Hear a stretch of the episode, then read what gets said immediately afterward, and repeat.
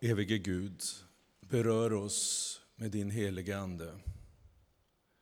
Hjälp oss att lägga av oss det som vi bör lägga av oss. Hjälp oss ta till oss det vi behöver ta till oss. I ditt eget namn. Amen.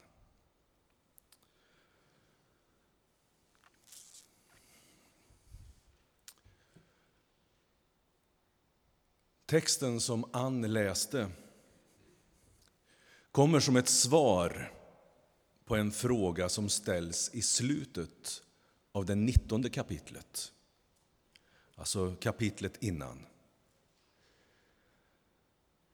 Lärjungarna hade varit med Jesus när de träffade en ung man, en ung rik man som ville veta hur han skulle göra för att få evigt liv.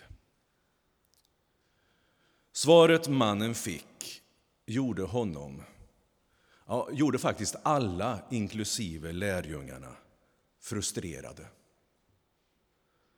När den unge mannen besviket gick därifrån vänder sig lärjungarna till Jesus och frågar Vem kan då bli räddad?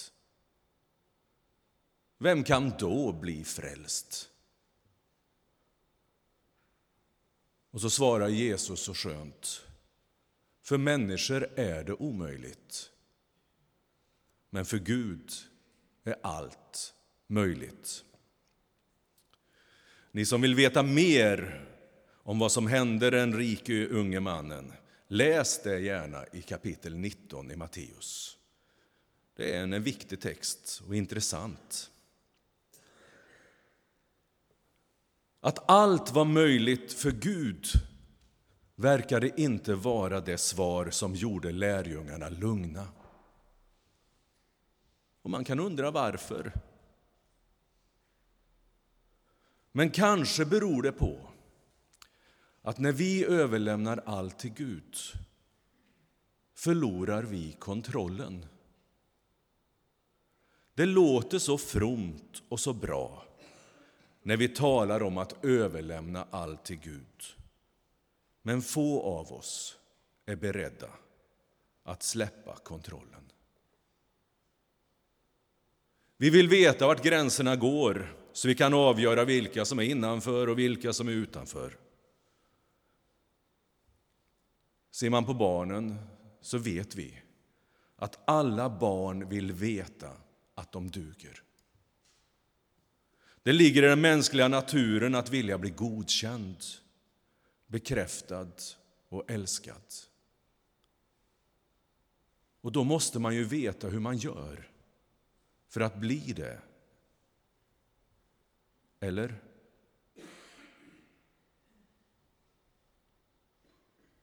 Att vara människa verkar vara det som innebär att det är svårt att ta till sig villkorslös kärlek. Det verkar finnas behov av att veta vad man ska göra för att bli godkänd.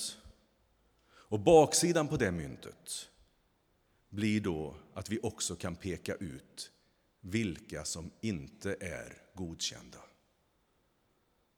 Vilka som inte får rum. Och jag skulle kunna ge många nutida och historiska exempel på det här. Och i det perspektivet är tanken på Guds nåd, den villkorslösa kärleken, extremt radikal. I slutet av liknelsen om vingårdsarbetarna säger Jesus att de första ska bli de sista. Och kanske ligger det en hemlighet i den formuleringen som vi vanligtvis inte upptäcker. För det är ju en slags inre rangordning snarare än tanken på innanför och utanför. Alltså oavsett om man är först eller sist så är man ändå innanför. I texten finns ingen utanför. Inte ens de avundsjuka. Och oron hos lärjungarna rör inte om man är först eller sist utan om en frustration och oro över tanken på att tänk om det är så att alla de uppoffringar jag har gjort, vi har gjort, inte betyder någonting. Och Petrus ställer den frågan som lärjungarna bär på. Men vi har ju lämnat allt och följt dig. Hur blir det för oss då?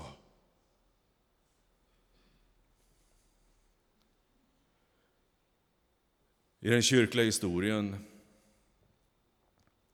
så finns det många exempel på våra behov av att sätta gränser. Jag tar i närtid. För 70 år sedan kunde man bli utesluten ur en församling om man gick på bio i vissa församlingar, sminkade sig, spelade kort, smakade alkohol. En av våra gamla medlemmar berättade för mig, och jag får berätta det, att vederbörande blev utesluten ur sin församling i ett annat samfund för att vederbörande just gifte sig med en missionsförbundare.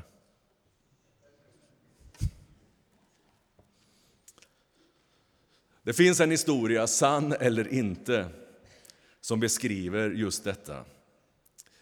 Men eh, ja, den beskriver det på ett sånt bra sätt. Det handlar om en pingsförsamling på någon av öarna på västkusten. I deras stadgar skulle det då stå om församlingen läggs ner ska dess kvarlåtenskap gå till Philadelphia-församlingen i Stockholm. Om det icke beror på Herrens återkomst, då skall det gå till öns lokala missionsförsamling. Och ni som inte kan den här teologin, det är ju att när Jesus kommer så tar han de rätt troende upp och de andra blir kvar. Och det var ju missionsförbundarna. Men det är lätt att slå sig för bröstet för andras misstag. Vi har mycket även i vår historia vi borde skämmas för. Och det gäller nog alla samfund. Och det gäller alla organisationer, religiösa och profana. Vi har en tendens till att begränsa och stänga ute. Jag minns ett samtal i mitten av 70-talet, jag hade just blivit kristen, som handlade om vilka som fick komma till himlen. Och det kanske inte är någon sån diskussion som förs så allmänt numera, men då gjorde det det. Några av deltagarna blev så oerhört frustrerade och förtvivlade över att det fanns folk som kunde tro att alla fick komma dit. Och en av dem säger så här. Vad finns det då för anledning att tro?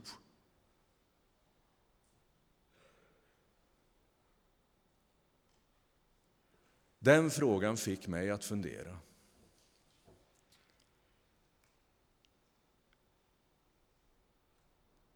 Är tron så meningslös att om inte andra inte får den nåd jag får eller om andra får den nåd jag får även om de inte riktigt har fyllt upp.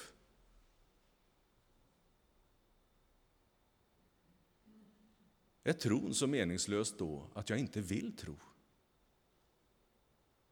Krånglar jag till orden nu så ni inte förstod vad jag menar?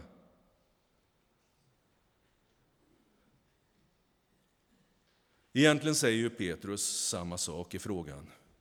Vi har ju lämnat allt och följt dig. Hur blir det då för oss? Att vara lärjunge handlar inte om att vinna fördelar. Att det ska löna sig. Det handlar om att bli drabbad av Jesus och följa honom. Gud ger oss en mission. Ett uppdrag som kanske kostar oss allt. Och Gud använder människor i sin mission för Guds rike, kallar dig och mig. Vilken Gud sen belönar i slutändan är inte vår sak. Vi har fått en kallelse. I Bibeln ses avund allt ifrån berättelsen om Kain och Abel som ursynden. Det var det som drabbade dem som hade arbetat i vingården så länge. Precis som det drabbade den äldste sonen i liknelsen om den förlorade sonen. Han som hade släpat och slitit. Och det är det som kan drabba oss. Vi som ibland tycker att vi förtjänar mer än andra. Jag kommer ihåg en predikan av den gamle riksevangelisten John Hedlund. Han berättade om en man som på sin dödsbädd överlämnade sig åt Gud. Och den här mannen hade varit känd i bygden för sin lösaktighet och sitt festande och spelande. En av eh, de fromma vände sig då till pastorn och ondgjorde sig över att han som har betett sig så illa fick detsamma som han som sedan ungdomen avhållit sig från synden. Detta var orättvist. Precis. Orättvist kanske, sa pastorn enligt Hedlund. Kanske, men barmhärtigt. Och Gud är barmhärtig. Och så säger han, akta dig så att du inte blir ogin mot Guds nåd.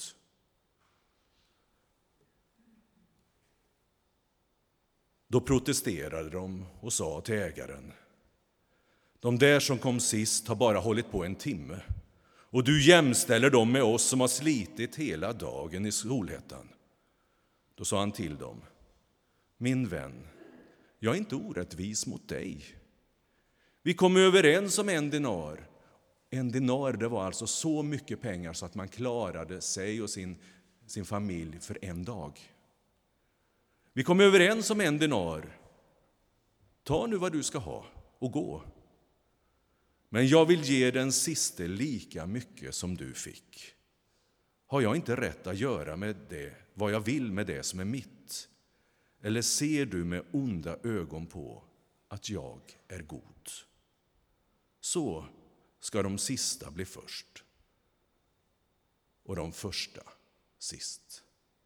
Amen.